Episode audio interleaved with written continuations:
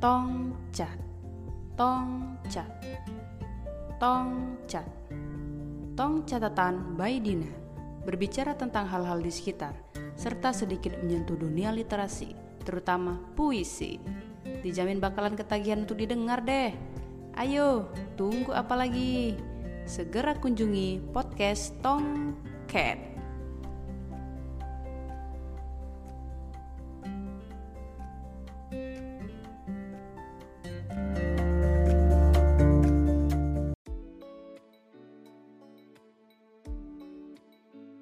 Hai, balik lagi sama gua Dina di Tongcat Podcast. Sorry ya guys, udah lama nggak bikin episode baru karena ada efek penyakit yaitu malas. Baiklah, tanpa panjang lebar, kali ini gua mau bicara soal yang akhir-akhir ini sedang banyak menimpa rumah tangga selebriti. Apalagi kalau soal perselingkuhan. Sebelum lebih jauh, kita harus tahu dulu apa itu selingkuh. Kalau menurut KBBI, selingkuh adalah suka menyembunyikan sesuatu untuk kepentingan sendiri, tidak berterus terang, tidak jujur, curang, atau serong. Kalau dalam suatu hubungan, selingkuh adalah seluruh perilaku yang melanggar kontrak yang dimiliki antar pasangan. Dalam hal ini adalah melibatkan objek lain tanpa sepengetahuan pasangannya. Intinya tak lain dan tak bukan adalah main belakang. Ada tiga tipe selingkuh. Selingkuh secara emosional, ini hanya sebatas seperti perhatian, saling memahami, tempat untuk berbagi, ya paling chatting-chattingan doang gitu. Selingkuh secara seksual, yaitu melibatkan hal yang intim. Gak perlu lah ya gue jabarin gimana. Yang ketiga adalah gabungan dari tipe 1 dan tipe 2. Jadi yang lebih parah itu 2 dan 3 perselingkuhan gak akan terjadi. Perselingkuhan tidak akan terjadi kalau tidak ada faktor-faktor lainnya. Yaitu menurut gua, faktor yang paling mendasar itu ada dua.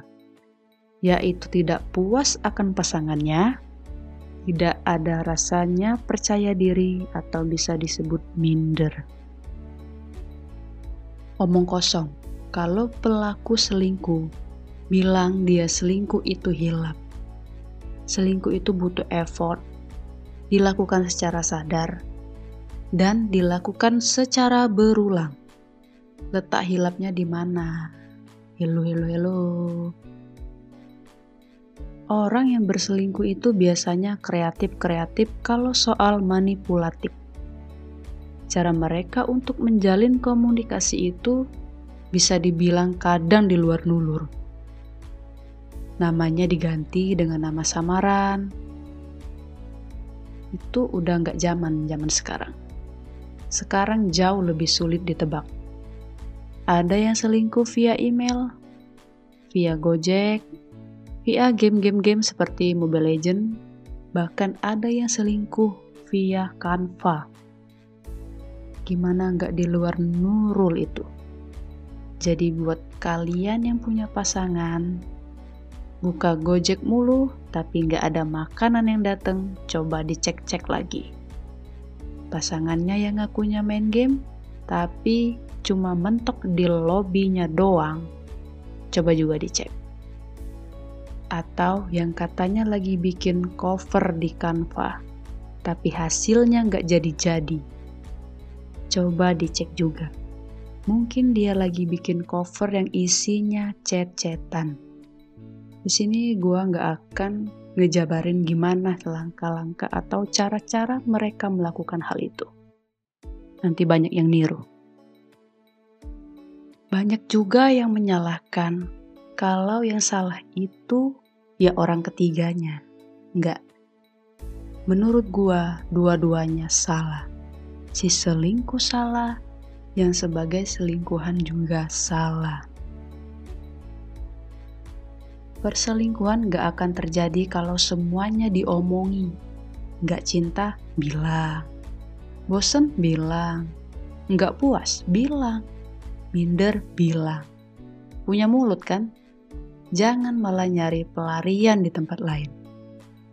Masalah bukannya selesai, tapi yang ada nambah masalah baru dan akan jadi jauh lebih besar. Coba perhatiin deh. Biasanya yang jadi selingkuhan itu nggak lebih baik dari pasangannya. Kenapa bisa begitu? Ya karena mereka memang mencari pelarian itu hanya mencari yang beda doang. Nggak mencari yang lebih baik. Contoh, dia selingkuh karena bosan. Selingkuhannya ini mohon maaf ya, kadang gak jauh lebih cantik dari pasangannya. Tapi dia tetap selingkuh. Karena apa? Karena si selingkuhannya itu lebih perhatian. Padahal kan kalau bisa diomongin di awal sama sama pasangannya, ya semua gak akan terjadi. Menurut survei, kaum laki-laki cenderung lebih mudah untuk selingkuh karena mereka itu lebih dominan bosenan dan suka bereksperimen. Tapi nggak menutup kemungkinan kaum perempuan juga ada banyak juga kok yang selingkuh. Tapi percaya atau tidak, kalau cewek itu lebih pandai dalam berselingkuh. Jadi buat cowok-cowok harus juga aware sama pasangannya. Cowok itu mudah banget ketahuan. Gerak-geriknya itu mudah terbaca.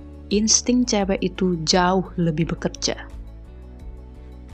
Kalau lo udah ketahuan selingkuh, tapi masih diberi kesempatan lagi, berubah. Dimaafin bukan malah terus mengulangi gak bersyukur banget jadi orang lo. Seindah-indahnya selingkuh, gak bakalan tenang hidup lo. Gue jamin itu. Apa enaknya sih selingkuh? Mau teleponan, mau ketemuan, harus diem-diem, kayak buronan. Biar apa enaknya? Menantang. Kalau mau menantang ke Dufan, di sana banyak tuh anak nah yang menantang. Selingkuh itu jangan jadi hobi. Gak menguntungkan, rugi iya kalian. Baiklah, cukup sekian episode kali ini. Pesen gua ada dua. Buat kalian yang baru punya niat buat selingkuh, mending pikir lagi bosan itu wajar. Tapi jangan sampai merusak apa yang udah kamu susah bayar bangun selama ini hanya karena nafsu. Yang kedua, buat kalian yang sedang diselingkuhi. Sebaiknya kumpulin bukti-bukti terus nggak usah pakai marah-marah. Sayang energi lo habis sia-sia. Karena walaupun kamu marah-marah, gak bakalan buat dia berubah. Percaya deh. Mending pakai cara yang elegan. Terus saja baik sama dia sampai semua bukti terkumpul. Setelah semuanya terkumpul, serahkan ke dia dengan sikap dan wajah yang datar, seperti kamu sudah mati rasa. Lalu tinggalkan dia tanpa sepatah kata pun. Dengan begitu, akan menghancurkannya secara perlahan. Yakin sama gua, rasa bersalah dan penyesalan akan terus menghantui dia. Apalagi kalau kamu nunjukin kalau kamu baik-baik saja setelah pisah dari dia. Ya sudah, sebelum gua tutup, jangan lupa subscribe and turn on post notification biar kalian tahu gua mau bicara soal apa lagi next episode-nya. Kalau mau saran enaknya bahas apa bisa langsung aja DM di IG gue at dinadeka.08